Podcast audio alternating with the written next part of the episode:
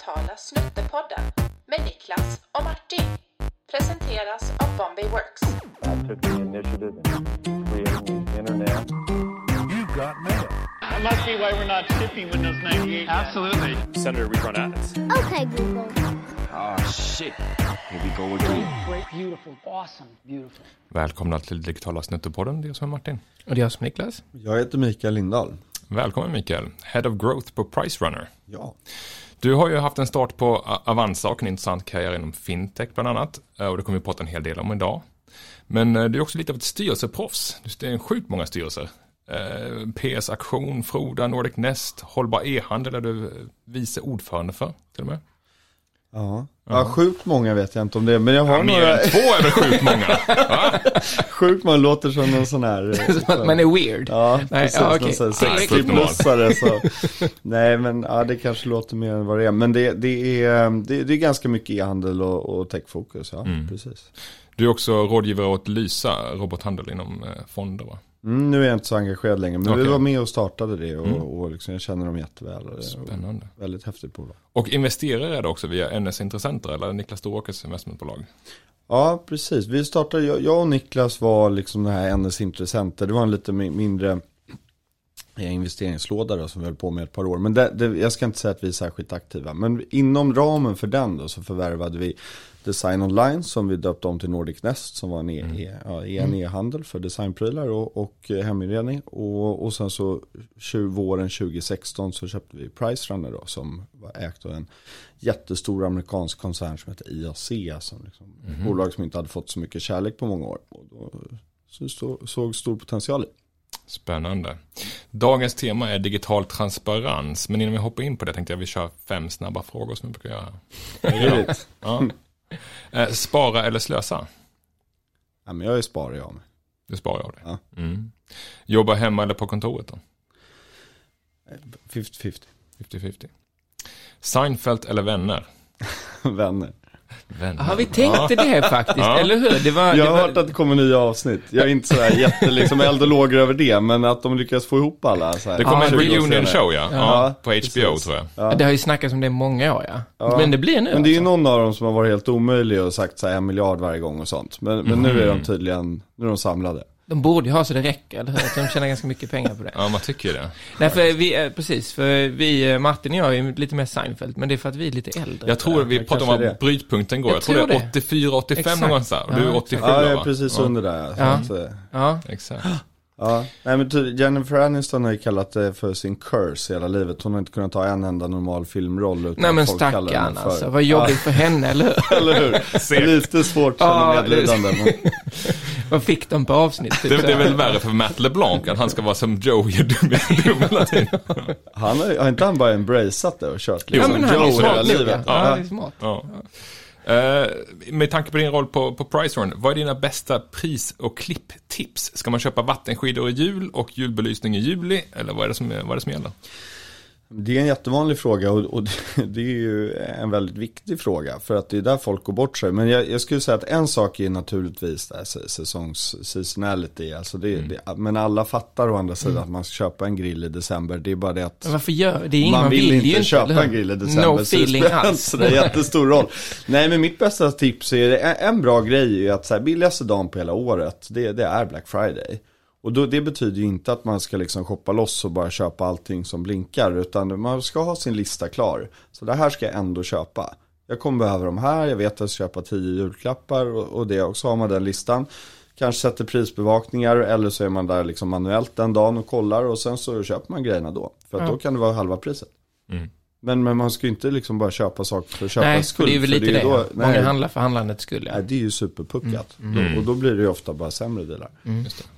Och sen på Black Friday då, men också alla andra dagar så är prishistoriken, är, är, den är ju viktig för att vi, ni har säkert hört om de här fake price drops, ja. fake rena. Och, och de är ju, det, det är ju ganska stor grej. Alltså, Ja, folk, det är så. e-handlarna höjer, höjer priserna och sen säger de att det är ner 40% men det är ner 15%. Mm. Från det de brukar sälja. Ja, inte så mycket transparens i det inte. Det är ingen transparens, tur att det finns prisjämförelsetjänster. Ja. Hur? Så man kan följa det där. På samma tema då. Ja. Vad är den bästa rabatten du fått i ditt liv? Ja men då, de, de, de dealarna det är ju, det är ju bägg.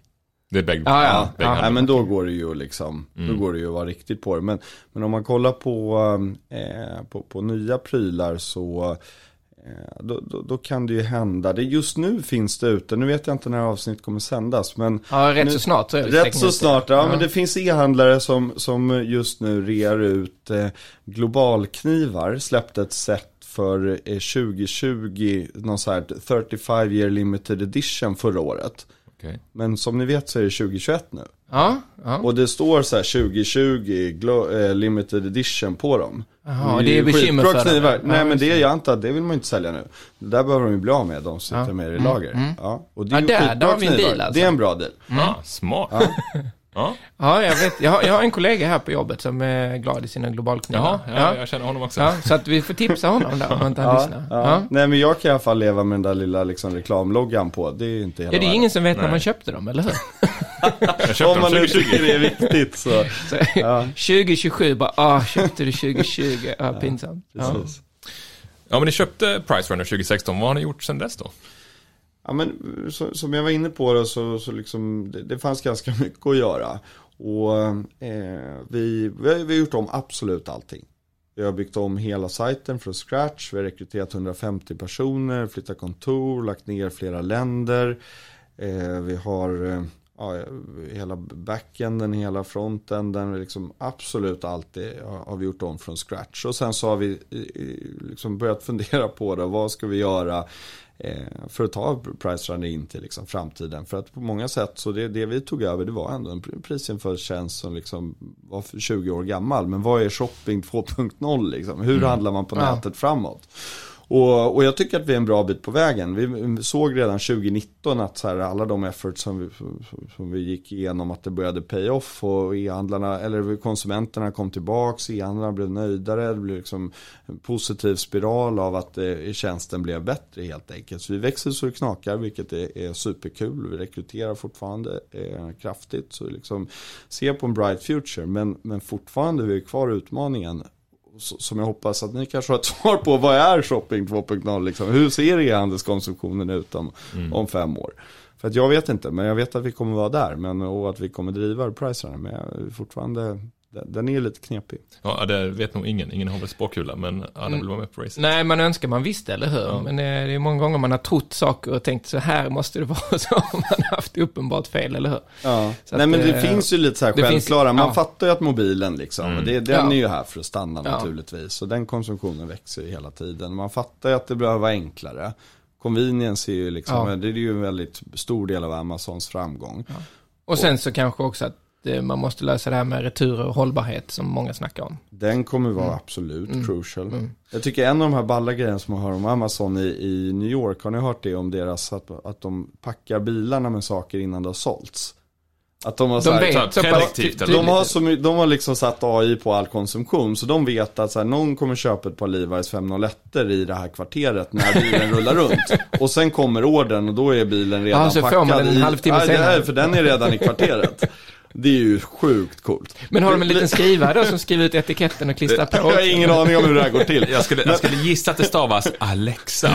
Ja, precis. Nej, jag har ingen aning om hur det går till, men jag tycker det är superhäftigt. Ja. Och, vi har ju lite annan demografi då i Sverige, så det är svårt, kanske inte funkar hela vägen här, men det finns ju mycket coolt att göra. Ja.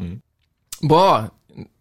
Mm. Digital transparens då? Ja. Vad pratar vi om då? då? Vad, vad tänker du på då, Mikael? Ja, vad, vad är det för konstigt ämne? Nej, men det är väl ett Ja. jättebra ämne. Ja. Det, är, det, är, eh, det är en makrotrend. Mm. Alltså digital transparens, är, det är digitalt är en sak, men, men det är ju egentligen bara en enablen Ja. liksom, av- av transparens. Men, men jag tänker på, ehm, jag tänker på resebyråerna på, på Sveavägen Ja. på Stockholm. Man gick in och så vill man köpa en resa någonstans. Och så fick man ett par förslag. Man ingen, det enda man ville var ju liksom att de skulle vända på den där burken. Så man själv fick se vad finns det för möjligheter och vad har du för påslag på de här. Och Ja. liksom, Jag är beredd att ta en superkonstig, eh, liksom, ja, alla har gjort Layover. tre- 36 timmar i någon konstig, på någon flygplats. Nej men om man är beredd att göra det så man vill ju veta alla alternativ. Ja. Och, och det där är ju flyget.se och alla andra motsvarande tjänster. Och det, det är ju digital transparens, alltså att vi har fått, att, att skärmen är vänd. Det behövs ingen mellanhand längre utan att, att, att man får ha tillgång till all information själv så får man ta besluten själv. En annan, sånt där exempel som jag själv gillar väldigt mycket, jag vet inte vart den tog vägen, men jag vet inte om ni kommer ihåg, för typ 8-10 år sedan eller någonting så släppte SvD någonting som de kallade för räntekartan. Ja, den var nice. det var ute typ ja. två somrar eller någonting Ja. och det enda det var ju att det var möjlighet för folk att fylla i vad de hade för bolåneränta. Ja. Och så såg man i sitt kvarter så att folk hade liksom annan Sjukt ränta. Samma, bank, sa, samma, Samma bank, bank, ja. ja. Ja. och olika räntor. Det var ju jag tycker det var så här eye-opener och, och eh, förändring för liksom hela bolånemarknaden Ja. i, i Sverige. Ja. För Ja, att bankerna där- tvingades sen ha snittränta också som var öppet. Det bör, precis, men framförallt så gick ju eh, liksom löpet kring att kring pruta på bolånet. ja, precis. Du måste pruta bolånet för att du kan få lägre ränta. Och det coola med bolån är ju att det, är- produkten är ju identisk. Ja. Så det är bara priset som spelar roll. Så det, det, det är ju verkligen Ja, transparent. och då kan man återigen, eh, så här, och stackars bankerna som tyckte att de blev eh, belysta och att det var jobbigt för dem. Det känns ju inte som På att det går samma någon nöd sätt på som dem riktigt. resebyråerna. Det är liksom så här, det, ni är i, i, i vissa fall så är det ju ganska onödiga mellanhänder. Jag undrar vad den tog vägen då? Den finns tror jag fortfarande, Gör men den? eh, den är inte lika publik. Ja, alltså den finns inte med. den, är, den är publik, men den, den skrivs inte lika mycket om. Nej, Ska ja, vi skicka en shoutout till, till SvD här då? Att Ja. liksom, Ja, precis. Plocka gör upp en det grej av med den här igen. Exakt. Ja, för att Ja. den var bra. Faktiskt. Eh, Konsumenterna har ju fått mer makt som du pratar om. Eh, Och eh, jag grävde lite det där. Och många tycker att makten ibland handlar om att man har fått en egen plattform via sociala medier. Man kan gnälla på varumärken lättare. Jag tänker spontant på United Breaks Guitars, jag vet inte om ni kommer ihåg den. Det var en kille i USA som flög och hans gitarr gick sönder i flyget. Så han var musiker och skrev en låt, United Breaks Guitars. Det var ganska viral sen.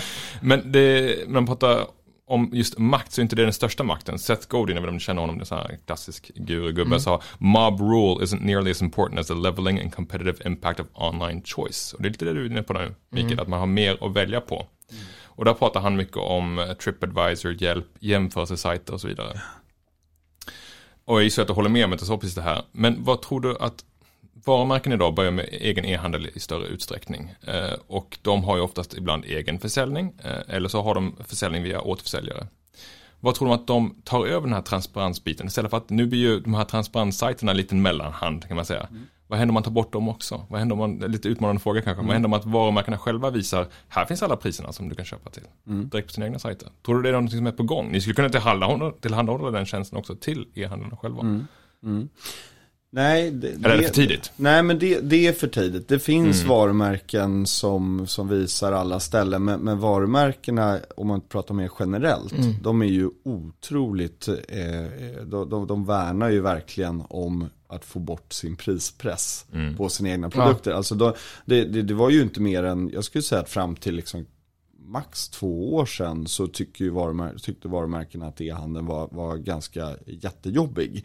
För att det, det närmsta konkurrent är att klick bort det enda man har att konkurrera med i pris. Ja. Och det var då inställningen. Och, och det gör ju att det bara blir världens prispress på mina prylar och sen så, så får vi mindre pengar till varumärkena. Men det där tycker jag, det, det har förändrats. Ja. Det, där är vi inte riktigt längre, för, för det är också i takt med att e-handeln växer, så det blir, liksom, det blir ganska tydligt vilka e-handlare som är bra.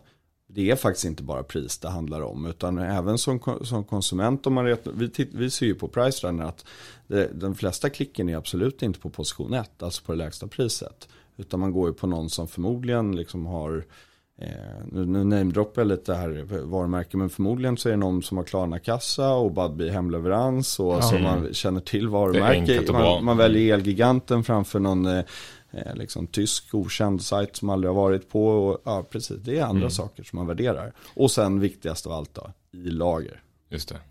För det är Ja. lite ofrånkomligt att den här transparensen kommer. De kan inte gömma sig bakom den längre. Det kommer ju bli transparens kring priser. Och om man då kan underlätta för konsumenterna att slippa hoppa mellan fyra sajter. Så känns det som att det vore ganska smart att göra det. För, precis som du säger, när man använder jämförelsesajten så landar man ofta, eller i alla fall jag då på Elgiganten, för där har jag handlat tidigare. Så.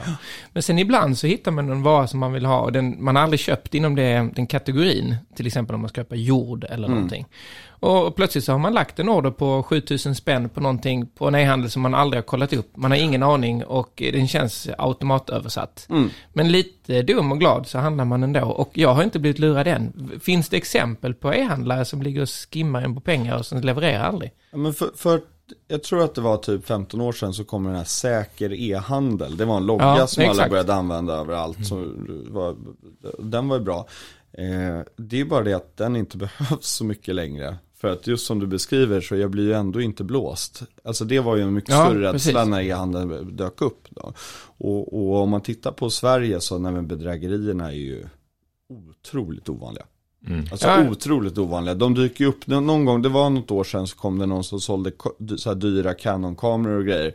Och sen visade det sig efter typ eh, fyra dagar att det, det kom aldrig några kameror. Nej. Det fanns inga kameror. Men det där, då, det är ju fyra dagar.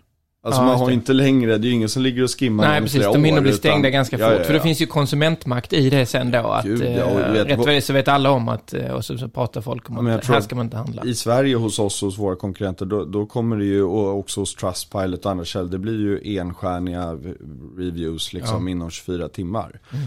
Och, och, och det där, man köper ju inte från någon som har massa ettor. Nej, så då Alltså, ska man ha lite otur att man är en av dem som tidigt blir lurad och sen så täpps luckan till faktiskt. Jag, jag, alltså, om man läser lite reviews på e-handlare idag så, så då kommer du vara lugn. Ja. Du, Ja. Och det finns reviews på alla. Så att, Ja, jag, känner ju en sån här konstig lugn när, när det finns att Paypal-betalning som eh, då går igång. Blir du lugn av Paypal-betalning? Ja, faktiskt. Ja. Det känns som att om man blir lurad där så kan man alltid säga till Paypal, det där funkar inte, ge mig pengarna tillbaka. Alltså det är ju någonstans betalningstransaktion, betalningstillhandahållaren som gör att det känns tryggt, eller hur? Ja, jag, jag är jag inte väl- säker på att så här, Paypal, jag- för många tror jag Paypal är stora varningsklockor också. Det är väl Någon det. som inte ens har lyckats inkludera en svensk kassalösning och liksom Nej, amerikanskt och tryggt. amerikanskt. Och så skulle du så här processa mot någon så här Ja. Bostonbolag. Men här är vi överens, eller hur Mikael? Det är därför jag bara, tycker du Paypal? Vad menar du? Ja, är det för nej, att du är men- lite amerikan på något sätt? Ja, men Paypal är väl Klarna fast i USA. Nej, men jag, jag vet inte att Paypal inte gjort svenska, det är Sverige, för liten marknad. ja, nej men jag, vet- jag, vet- jag förstår vad du menar. Det finns någon sån där tjänst Paypal att det liksom att de återbetalar och Mm. pengarna är hos dem och så här. Men ja, jag vet inte. Det, kreditkort, kreditkort i Sverige är också jättesäkert. Ja, så är det. Det, vi, jag tycker inte vi behöver spendera mer tid på bedrägerier, för e-handel liksom har kommit Nej, jag tror bra det är ett mycket problem. längre än det. Nej. Nej. Va, när jag läste på lite om detta så snubblade jag över en eh, akademisk eh, rapport för några år sedan om eh, konsumentmakt. Eh, Och vad de menade med det då, de här akademikerna, så vet man inte om de har rätt och sådär. Men de hade delat upp det i alla fall i fyra nivåer av källor till konsumentmakt. Där den första var just att man har efterfrågan. Så att det är många som vill köpa någonting och i och med det så blir det lite makt i sig då. Det minns jag som när H&M tryckte upp sina sådana här Ann Nicole Smith-grejer på stan och det var många som använde sin konsumentmakt för att inte handla på H&M under en period. Eh, och, så här, och sen nästa steg var information, att man liksom både kan ta del av information och dela och så vidare. Och sen efter det kom nätverk, och nätverk är ju att du på något sätt kan aggregera den där och påverka den och styra den till andra, lite social media helt enkelt. Och sen sista nivån var att det- är crowdbaserat. Att man liksom inte bara har all information tillgänglig, utan att man sourcar ett gäng människor som sen då också via nätverk också påverkar i en större grupp och sådär. Där har man ju sett en del konsumentmakt de senaste åren och en del idiotisk konsumentmakt på något sätt. Om man tar eh, GameStop-härvan som var. Idiotiskt kan man ju debattera.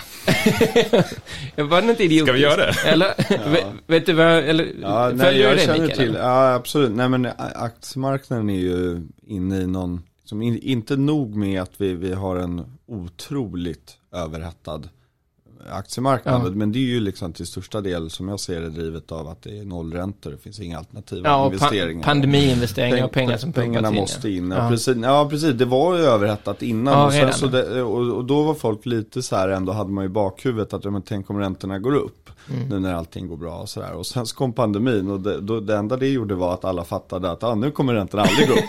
Perfekt, nu trycker vi på liksom. Så det är ju det, och, men kombinerar man då den här överrättade aktiemarknaden med eh, ett ganska nytt sätt att använda sociala medier och liksom, det finns ju jättestora eh, aktiekonton på TikTok till exempel som liksom Ja. uppenbarligen har enorm makt. Då, ja, men då är det klart man, då- då får man ju någon ny situation som vi aldrig upplevt förut och det, och det där visades ju i GameStop Ja. då, som för, ja, vill någon, någon beskriva det? Ja, jag kan, beskriva, jag kan ta den storyn. Det, för det intressanta för mig är inte att man handlar upp GameStop. Det intressanta för mig är egentligen Robinhood och den här avsaknaden av digital transparens egentligen. Eh, Vi kan komma på det, men för de som inte vet, Wall Street Bets är då ett, ehm, en subreddit på Reddit, det här forumet där man pratar om aktier, precis som du säger Mikael, man kan liksom tipsa varandra och så vidare om vad man ska satsa pengarna på. Och GameStop är en spelbutik där man köper fysiska spel till sina plattformar som alla kan förstå så är det inte ett framtidsbolag direkt. Och den är extremt kortad av hedgefonderna, eh, så nedtryckt. eh, Och, Kortad, förlåt. Ja, då bettar man på att eh, kursen ska gå ner. Ja, blankning. Man blankar den, man kortar den, precis.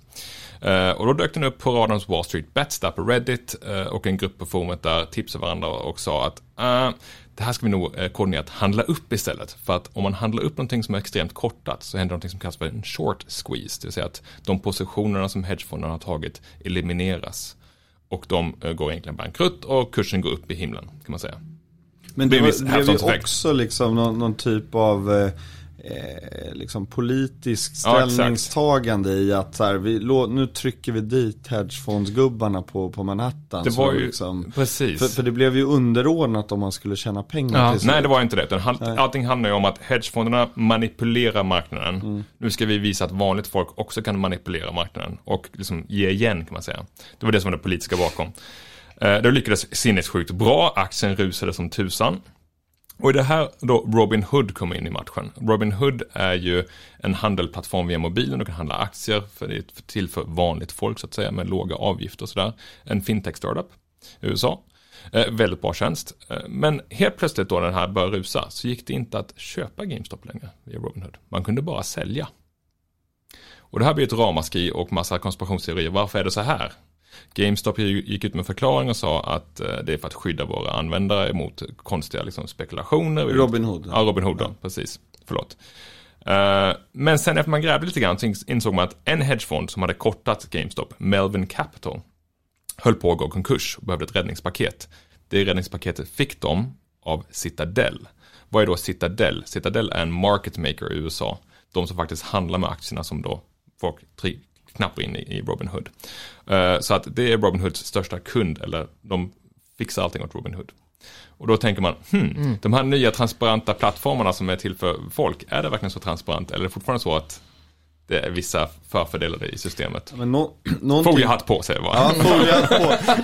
Nej men om, om man ska hålla på och vara liksom foliehattig av sig då, så det du säger är ju egentligen att så här, ägandet. Ja, Och, så, exakt. och det är väl en... Det är väl rimligt att Det är tänka. väl ingen jättedum Nej, tanke då. I, i den där, just i det här fallet så kan jag inte bedöma hur mycket foliehatt man ska ha.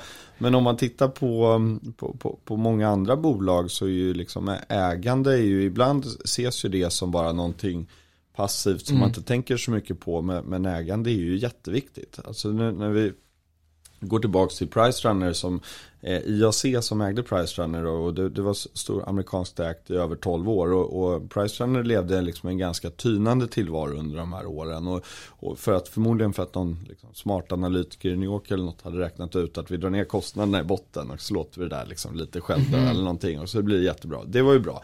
Det blev ju ganska, dels var det tråkigt att jobba på Price Runner gissar jag, så alla stjärnor drog ju och sådär, det blir ju inget kul. Det andra var ju att det blev, blev synd om användarna naturligtvis, för tjänsten blev lite sämre hela tiden. Och, och det tredje, då, då blir det synd om e-handlarna för de fick mindre trafik. Så att det där var ju liksom lite, så den där behövde vi liksom bryta naturligtvis.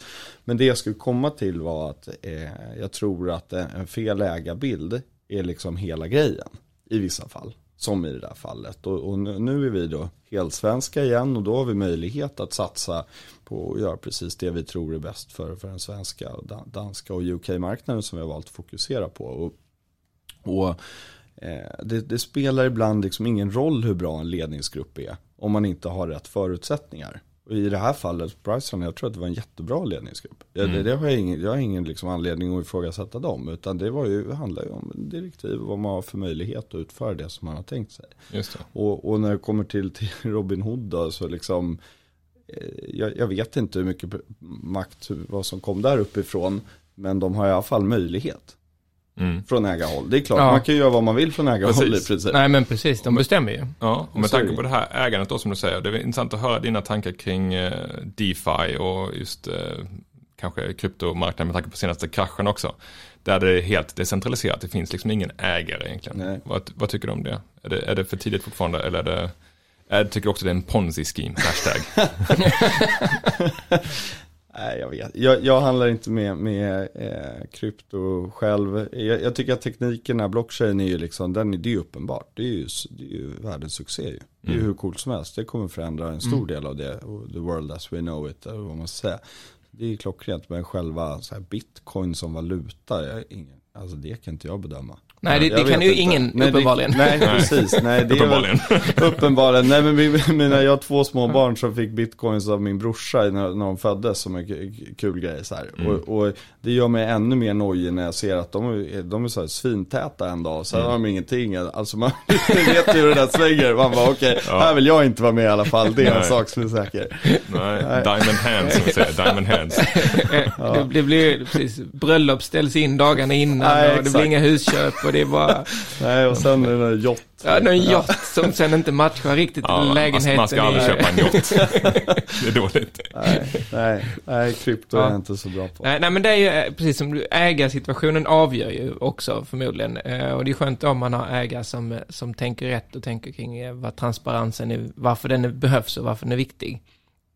Vad, eh, alltså en sak med transparensen som, eh, som jag och fnular på, men det kanske inte alls stämmer det här. Men det är ju att liksom, transparens kring alla varor, all konsumentvaror, gör någon slags prispress. Och nu är jag kanske ute på väldigt så här djupt vatten, men i och med det, hur kan man på något sätt förvänta sig inflation i så fall? Mm, Eh, För inflation bygger ju på någon slags representationsvaror mm. och inte på lägenhetspriser uppenbarligen, för då hade inflationen gått i taket för länge sedan. Vad, ehm, då blir ju den här transparensen verkligen påverkande på någon slags makronivå Mm. också. Mm. Eh, Stämmer det, eller är det... eh, Men då, om man liksom, om man pausar inflationsfrågan lite Ja. grann då och tittar på så här, vad gör prisjämförelse liksom i, i hur, hur påverkar det prissättningen om vi börjar med handeln då? Mm. Så eh, då, då, då liksom under många år, vi var inne på det, så tyckte ju varumärkena att det här var väldigt jobbigt. Sen köpte de in på de flesta fall att men det här är ju ganska bra för att vi får jättemycket marknadsföring och våra prylar säljs mer och, Ja. och gör vi bra grejer så dessutom så dyker de högre upp och liksom. Ja, och är vi en bra e-handlare eller en bra eh, leverantör så får vi vad de får som vi säljer, för då får vi trafiken. Ja, precis. Så det jag skulle säga att det finns ju inga varumärken i Sverige idag, eller extremt få som liksom har någonting emot jämförelsetjänster. Det upplever inte jag alls. Men, men eh, vad, vad gör det här för priserna? Men då kan man ju tänka sig att borde inte det här att vi har funnits så, eh, i 20 år, borde inte det göra att det knappt är några prisskillnader längre? Om det är så viktigt. Och, och, och jo, så är det. På en del liksom high runners, som man ser de här riktiga liksom, storsäljarna, en ny iPhone och sånt där. Men det är ju inte mycket prisskillnader. Utan där alla de stora har gått ihop i, i liksom, eller hamnar ju i någon slags normalläge där det diffar liksom 50 till 150 kronor eller någonting. Och det är ju, det, det är bra för då, det, då kan man ju värdera andra saker. Alltså fraktalternativ och vad som finns i lager och liksom eh, vad jag kan få hem till dörren. I allting. princip får ju alla samma ränta då, så som om vi pratade om eh, bankerna Ja. innan. Och det känns ju schysst. Ja men det är ju bra. kanske. Det, Mm. då, då, det betyder ju att liksom jämförelsetjänst har gjort jobbet, eller vad man ska säga. Då är alla anpassat sig. Sen finns det alltid några som sticker ut sådär. Och, och så finns det lite automatisering i, i med i spelet här också. Framförallt på de här high-runnerserna Att e-handlarna sätter ju, fyller i sitt system att jag vill vara alltid 5% lägre i pris än konkurrent X. Men jag vill alltid ha högre marginal än Y och sådär. Så de Så- robotar som går runt och... robot, Ja. ja. ja eller så använder de liksom API från oss Mm. eller så har de direktspindlar på de andra konkurrenternas tjänster. Och så, så håller de på sådär. Men nu pratar vi om ett ganska litet sätt av produkter. Ja. Om man liksom har miljontals produkter så, så de flesta produkter har jättestora prisskillnader. Ja, det är inte Alltså, mjölk heller riktigt, för att på, Nej. eh, på Pricerunner så håller ni inte på med mjölk. Jag sitter och tittar på någon eh, liksom klånglampa här eller något på bordet. Så, som, eh, de, och den Mm. Är ju, jag skulle, utan att veta exakt, så det, men jag skulle gissa att den absolut liksom kostar mellan 850 och 1850 kronor. Alltså absolut. Och, och, och det är ju, det, det- det är ju fruktansvärt. Ja, Alltså, ja, det, det är inte schysst. man, varför ska någon betala Kapitalförstöring. 1850? Ja, när det går Jag, jag skulle tro att nu, 850. nu lever ju inte Arne Weise längre, eller hur? Men han, eh, han fick en fråga, för han bodde där uppe på, vid Karlaplan tror jag. Ja. Och sen så fick han frågan, så, men vad, är- varför tycker du fältöversten är så bra? Och så sa han, för att det är dyrt. Ja. Det var inte det att det var prisvärt, utan Nej. det var bara det att det var dyrt. Så han visste ju att han betalade mer, men han tyckte att det var rätt soft, för att då kunde han gå in där och så slapp han liksom konkurrera med andra som letade efter en bra deal. Ja. Men det är väldigt få kanske som är på jakt efter dyrt. Ja, men det finns ju e-handlare som, som bara gör ett bra jobb och inte nödvändigtvis konkurrerar med pris hela tiden. Och, och eh, Skin City det är en sån. Mm. Så här, de, de ligger i och för sig bra i pris, så det är inte det, men, men absolut inte billigast. Men de, är viktigare. de har en jättebra Mm. Ja, upplevelse de jobbar mycket att- med sitt innehåll och med att bygga sin community. Ja, och de skickar med någon liten liksom leksak i många år, vet jag inte om de gör det längre, men liksom de, de, de, de, Mm. väldigt, de lyckas få återkommande kunder för att upplevelsen är bra, och det är ju cred. Mm. Alltså så ska man ju göra, så önskar man ju att fler e-handlare var Det finns några till, men, men det finns, NetOnNet har ju lyckats bra, Inet är bra på gamingprylar. Ja, verkligen. Det, det finns många som är duktiga. Mm. Eh, inflation var det. Ja, men precis. Ja, men just det där med inflation, det handlar ju också om vad, vad finns i korgen som ja, man men mäter exakt. inflation Och det kanske är mer med. mjölk än det kanske är klånglampor Det är ju eller mjölk, eh, ben, iPhones. mjölk, bensin och lite andra saker. Men absolut precis. inte boende eller någonting annat. Nej men och, om man tittar då liksom, och, just det, vad, vad har hänt då med priserna och liksom på grund av det här? Nej men då skulle jag säga, prisnivåerna det, det är en del i det här. Men en större del när man pratar om e-handlarnas lönsamhet och vad det finns för marginaler, det är ju det faktum att, att eh, de stora amerikanska plattformarna har auktionsbaserad eh, sätt som man förvärvar sin trafik genom. Det vill säga att det jag pratar om är Google AdWords och Google Ja. Shopping framför allt, men också Facebook, men framför allt det då. Så den som budar högst eh, får all trafik. Och, och den som budar högst kan ju per definition inte ha det lägsta priset. Eftersom det är liksom Nej, det samma blir tufft. Ja, det blir tufft. Så att, det är liksom, så, så att det det gör är att de som hamnar högst upp är ett ganska dåligt pris. Eh, men, eh, och det finns ändå i- inga marginaler kvar till några e-handlare. Så att alla pengar hamnar hos, Google istället. Och det där var ju supertydligt. Vi kunde se det liksom. Det, det, det genomsnittliga eh, ebitda-marginalen då, nu blir det tekniskt, men det som blir kvar efter kostnader Ja. för e-handlarna, den har varit kring 1% i typ 10 år. För att det finns inga pengar, det blir inga pengar kvar. Så du måste Man köpt en sin trafik. volymhandlare helt enkelt. Ja. Man måste, ja precis, och då kommer det in någon så här som eh, Kitchen Time vet jag, de, de var ju beredda att förlora mycket pengar per Mm. år tills de skulle nå en miljard i omsättning. Och det gör ju att alla som sålde köksmixrar var ju tvungna Ja. att matcha dem. De blöddes ut, Nej det gick ju inte, Nej. då får man ju hänga med. Men det är, alla förlorar ju pengar då så att säga, Mm. upp till den viss nivå. Nu förändrades ju det här förra året. På, på grund Mm. av liksom, dels den kraftiga tillväxten som gjorde att det, det blev pengar över då. Men, men också för alla satt ju med rätt små kostnadskostymer och sen så kom det liksom väldigt mycket försäljning.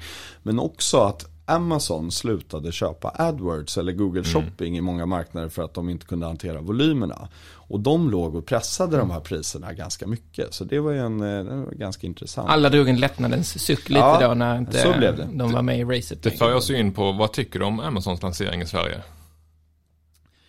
Jag, jag, Skräv jag, inte orden nu. Nej, jag, men jag tycker nog som alla andra att det var ju magplask. Ja, men det är var, klart det var var, var det magplask. medveten superstrategi? Ja, det kändes så. Det kändes Att som ha en... massa könsord och grejer i alla beskrivningar. Det känns som att det var helt smart uttänkt.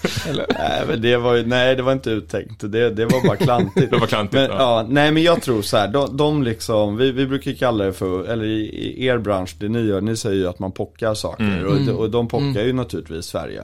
Så här, låt oss se, vi, vi langar ut någonting och sen så får vi se Vad vad så, händer? om det händer något Ja. på, på ett år eller två, och händer det något får vi trycka på då. Ja. Mm. Och, och ehm, eh, det har vi inte sett.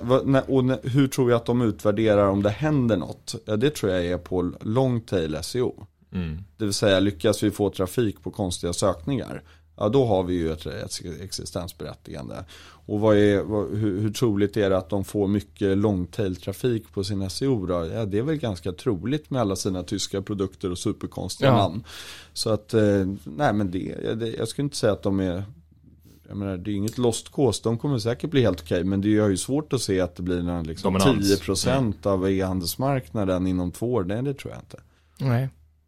Nej, och där kanske det också är så att, nu vet jag inte, detta kanske inte alls eh, stämmer och så, men om man tänker på att e-handel har eh, vuxit sig så stort nu och blivit liksom vad gemene man egentligen helt enkelt handlar via, eh, Mm. många varor i alla fall, så eh, kanske folk vill ha mer av en bra upplevelse än bara ett billigt, eh, lågt pris. För- Det, det, det man ofta glömmer med liksom en bra upplevelse, Amazon är ju liksom definitionen av en bra e-handelsupplevelse. Om man bara, Ja, ja, man brukar ju liksom benämna dem sådant, men det man glömmer är att de kom in i de marknader som de har över 50% först, marknadsandel och sånt. Ja, de var så himla tidiga. Du, jag tror de började i USA 95 eller någonting. Ja, och- Tyskland har hållit på i 12 Ty- år. tysk- tror jag. Nej, nej, mycket mer. va? Mer, det är 20 år 20 tror jag. år. Ja, och samma med. UK. Så att det är liksom, och då är de ju stora där naturligtvis. Mm. Men konkurrensen när de började där var ju non-existing. Mm. Och om man tittar då, vad är det för Sverige de stormar in i? Så här, man brukar säga att de stora bra grejerna med Amazon, det är Dels så, så har du liksom sparat kreditkort och enka, enkel betalning då. Sen är det är smidiga hemleveranser och returer. Och, och sen så det tredje är streamingtjänsten som liksom uppskattas av väldigt många. Så de tre grejerna. Okej, första är betalningarna. Ja men då stormar de in i ett Sverige som har liksom otrolig Klarna-täckning. Ja, ja. Där alla har sitt sparade nummer och man behöver inte fylla i sina uppgifter på en enda e-handlare kan Nej. jag känna. Nej. Så där är ju inget problem, det löser inget problem. Sen är det leveranserna. Ja, det är klart det är bra med hemleveranser, men, men vad har en Amazon-leverans som inte tillsammans Budbee, Instabox, AirMe, Best Mm. Transporter, liksom, posten för all del har. Nej men det är ju, det är ju asbra. Mm. Alltså det är jättebra i Sverige, sen kan mycket bli bättre, men det är ju inte, inte så mycket bättre. Och sen det tredje, det är streamingen då, och och där fick vi, jag hörde att, jag tror vi fick vår elfte här i mars, när Warner, eller i, i My Ja. Elrain, Ja, Warner det är- släpper liksom, och alla jag känner i alla fall har två, tre Ja, det snitt, snittas 2,4 tror jag läste att Ja. man har per hushåll. Precis, så att så här, jag kan inte, det, det finns inget erbjudande som är liksom Nej, sen är det väl en fantastiskt. fjärde grej möjligtvis. Är det inte att de också har ett stort utbud av mycket och många varor? Men å andra sidan ifall man, det kanske inte stämmer, men jag tänker i alla fall nu då ifall man är så öppen för att handla sin jord på ett ställe man aldrig handlat innan. Och sen sin, sin lampa någon annanstans. Så man känner en trygghet i att det finns inga scam-sidor och så vidare. Då, och det är så lätt att komma igång när du handlar för Klarna ligger där och se till att det liksom är plug and play. Då måste du ju inte handla allt från ett och samma ställe helt enkelt. Jag tror också de öppnade flodvågen för mycket av kinesiska produkterna som kom in som kändes ganska tryggt att köpa av Amazon. Men nu har vi ju Wish och annat i Sverige också så det, den har också dörren också Ja, stängd. nej men då är vi inne på det där med longtailen. Ja. Alltså om man söker på så blå fågelskrämma. För det är precis det jag vill ha liksom. Ja men då, då, då, då är det klart att det kommer man ju hitta där då, förmodligen på, något, på något sätt. Och, och, och det är väl ungefär det. Det är ju en stor del till de här procenten som jag ändå tror att de kommer nå. Mm. I, i marknadsandel. För det Ja. kommer de. För att det där är ju ganska bra. Det är ju liksom Wish-produkter och det finns ju några, jag menar både CD-ON och Fyndik gör det ju bra. Ja, de har De har mycket. väldigt mycket blåa fågelskrämmor I, i I know, jag vet inte hur mycket man handlar till ungarna på Fyndik för att det är något som trendar. Nu ska de ha några, vad kallas de, Eh, Monkey Noodles. Det Ja men så hittar man ju på Fyndik. fidget toys. Ja, precis. Jag letade UV-lampa igår eh, och det kunde jag Ja. inte hitta via Amazon. Det fick jag också köra via Fyndik. Ja. Mm, mm. Precis, så att, nej men så det finns ju konkurrens även där i Sverige. Men eh, ja, vi får se. Time will tell. Ja. Jag, jag ska, man ska aldrig räkna Nej, ut dem. precis. Nej, det för att de är stora och de har stora kraft. resurser. Mm. Ja, precis. Så vi får se. Nej, och sen så allt det här med jämförelse är väl bra. Det gör ju ungarna väldigt tidigt, om man nu pratar barn och sånt där. Mina barn är ju 9 och 11. Alltså, det, de vet ju vem som har vilken veckopeng. Mm. och de vet ju vem som si och så. Och sen spelar de ut oss och så vidare. Så de är ju fullt eh, på det klara med att eh, information och eh, crowding, det ger makt. så den har vi ju fått känna på. Så för föräldrarna ringa sig, men har, stämmer det verkligen att ni si och så? Nej, nej, nej, nej, det har de hittat på. Sådär. Mm. Så att, ehm, Nej men och det är ju bra. Mm. Men frågan är, alltså jag, jag tror att vi överskattar våra barns tech savviness i, i, alla, i alla fall när det liksom kommer till att vara, ta, ta rationella beslut på nätet. För att de kan precis lika gärna bara se någon trend. Ja, nej, det är inte så. de- Jag, jag tänker mer på hur de rent ur ett mänskligt perspektiv beter sig i hur de jämför sina veckopengar. Sen på det- det nätet gör och sånt så är de ju hyfsat lost alltså. Eller hur? Jag- jag- Verkligen. Att, så här, det, det är ju bra. De kanske känner till att det finns tjänster som Price Runner. Ja, men nej, men nej. Det, det är mycket viktigare vad liksom någon Vad TikTok TikTokare säger, kör ja. för länk. Ja, de är väldigt nischade och blir ju då helt enkelt inte så kritiska. Nej, eh, Faktiskt. Nej, och, det, och det är inte det lite förvånande? När de växer upp i den här miljön. Att så här, för jag tycker vi har ändå fått med oss här, var källkritisk, det står på internet gäller inte. Och, liksom, och nu helt plötsligt så är det som är på internet, det är Ja. Det är sanningen. sanningen. Jag undrar om det kanske var för att när det kom internet och växte upp så hade vi inte haft, i alla fall inte jag från barnsben, så att då var man väl lite liksom eh, ändå preppad Ja, så jag, ju, jag minns att man gick från att, ett uppslagsverk till Ja, att kolla precis. på nätet och nätet var ju bara, det är lite skämtgrej. Ja. Folk trodde, det var en Ja. fluga i början. Folk trodde ju inte på det och det som fanns, man kunde gå in på MTVs hemsida bara titta i fem minuter bara Wow. Mm. Okej, vad gör jag nu? Ah, jag stänger ner. Ja, men vad, mi- mina förväntningar Ja. i alla fall på nästa generation är, ju- var ju i alla fall att de, för dem skulle det vara helt givet att det som står på internet inte gäller.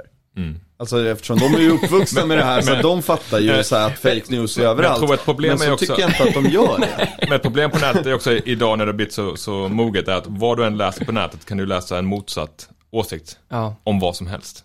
Du har ju Ja. alltid liksom båda sidorna överallt. Så då är det svårt, ännu svårare, My, mycket för mycket val kanske. Men jag, jag tycker du, det låter som att du pratar om så här liksom sveklockerforum och sånt som våra barn inte har någon aning om vad det är. Utan de ser aldrig andra sidan. De Nej, ser nej. sin influencerperson på, på TikTok eller Instagram som pratar om något jag- och så är det sanningen. Jag bad min 11-åring nu gå in och, för hon skulle göra eh, geografi om Europa. Så sa jag, men du, för hon hade en liten fjuttig karta så skulle hon hitta länder och bergskedjor och gud vet vad.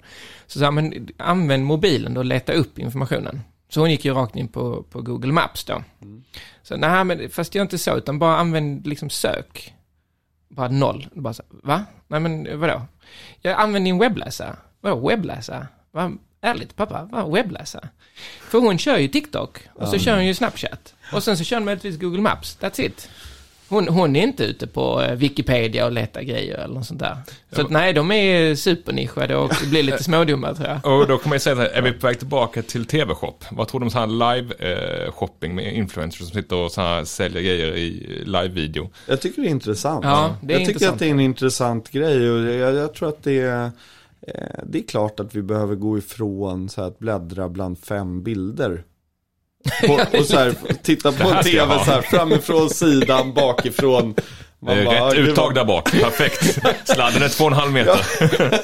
Nej men det är givet att det behövs nya format. Sen hur mycket, vad- vad jag har hört så är det väl ingen fantastisk försäljningsframgång för, för de flesta. Utan Nej. det är liksom, det, man får nog se det som lite branding och ny typ av kundservice. Och, där så. kan man ju undra lite på, apropå aktiemarknad eller på eh, hype kring bamboosers. Eh, de har väl rusat, vilket Ja, ja. Jag, jag, personligen, jag, kan ju förstå att det är en trendig eh, upplevelse och så vidare, men jag har svårt att se den värderingen.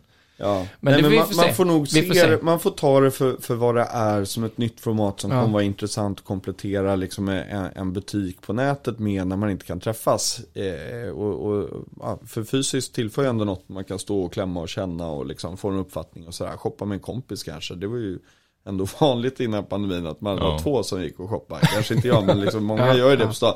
Och så här, det här blir ju samma sak det då fast digitalt. Så, det, så som sådan så tycker jag att det, det är intressant. Men eh, på just bambuser värderas ju ofta på om man pratar om hur stor del av försäljningen de skulle kunna liksom få in och det där, det vet jag inte. Nej, det, känns blir, lite- vi får se. Det känns som att man kanske kollar på den där videon, sen så går man in på er sajt och kollar vad kan jag köpa den för någonstans. Jag skulle tro det Så lite kan mer. man göra. Vi, vi har en sån här eh, streckkodsläsare som är väldigt populär att använda i appen i butiker. Och det ser man ju att man, får- folk går runt, det, det blir jag ganska glad när jag ser själv någon som står med appen så här. Ja. Du, du, du, kollar liksom inne på Elganten. Eh, Ska jag slå till eller inte? Ja. I Ja. USA är det en hel kultur. Eh, Amazon har ju samma streckkodsläsare, att man kan livnära sig på detta. Man åker liksom till Target och till Walgreens och så vidare. Går runt och skannar massa varor tills man hittar något som är väldigt billigt i butik. Sen så lägger man upp det själv på Amazon och säljer det för vinst. Ah, så sweet. folk så här typ sitter hantar sådana här. När kommer det till Sverige? Ja, det var rätt kul att se folk som går runt så här. Ja, nej, ja, nej men det är ju absolut eh, intressant att få in någon typ av crowdsourcing-element i det. Alltså eftersom vi har liksom tiotusentals människor som gör det här Ja. hela, hela dagarna då skulle man ju absolut kunna tänka sig att fida tillbaka den där informationen på något sätt. Det gör vi inte idag. Så, Nej. Nej.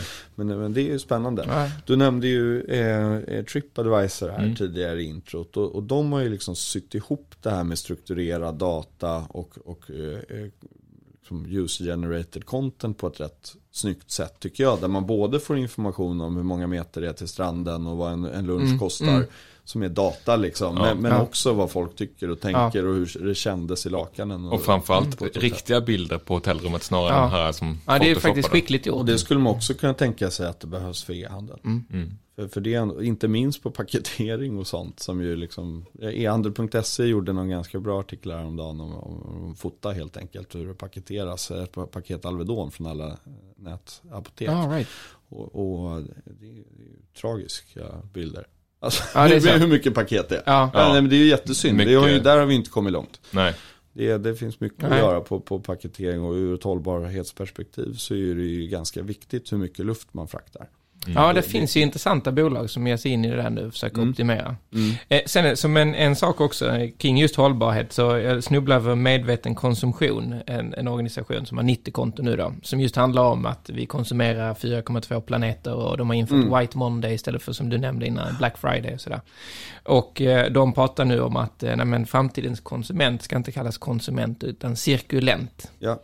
Och att man ska liksom konsumera mindre och återanvända. Och det får vi se också hur det slår då på e-handelssegmentet och på Det- handeln generellt ju. Det är ju en superviktig fråga. Mm. Alltså innan, det, jag, den har ju lite kommit i skymundan när den kom i pandemi också. Ja. Men det var ju den största frågan skulle jag säga fram till för ett år sedan vad, vad, vad, när det gällde e-handeln. Och, eh, och, och är ju fortfarande det även om den är liksom lite i Ja. skymundan just nu då.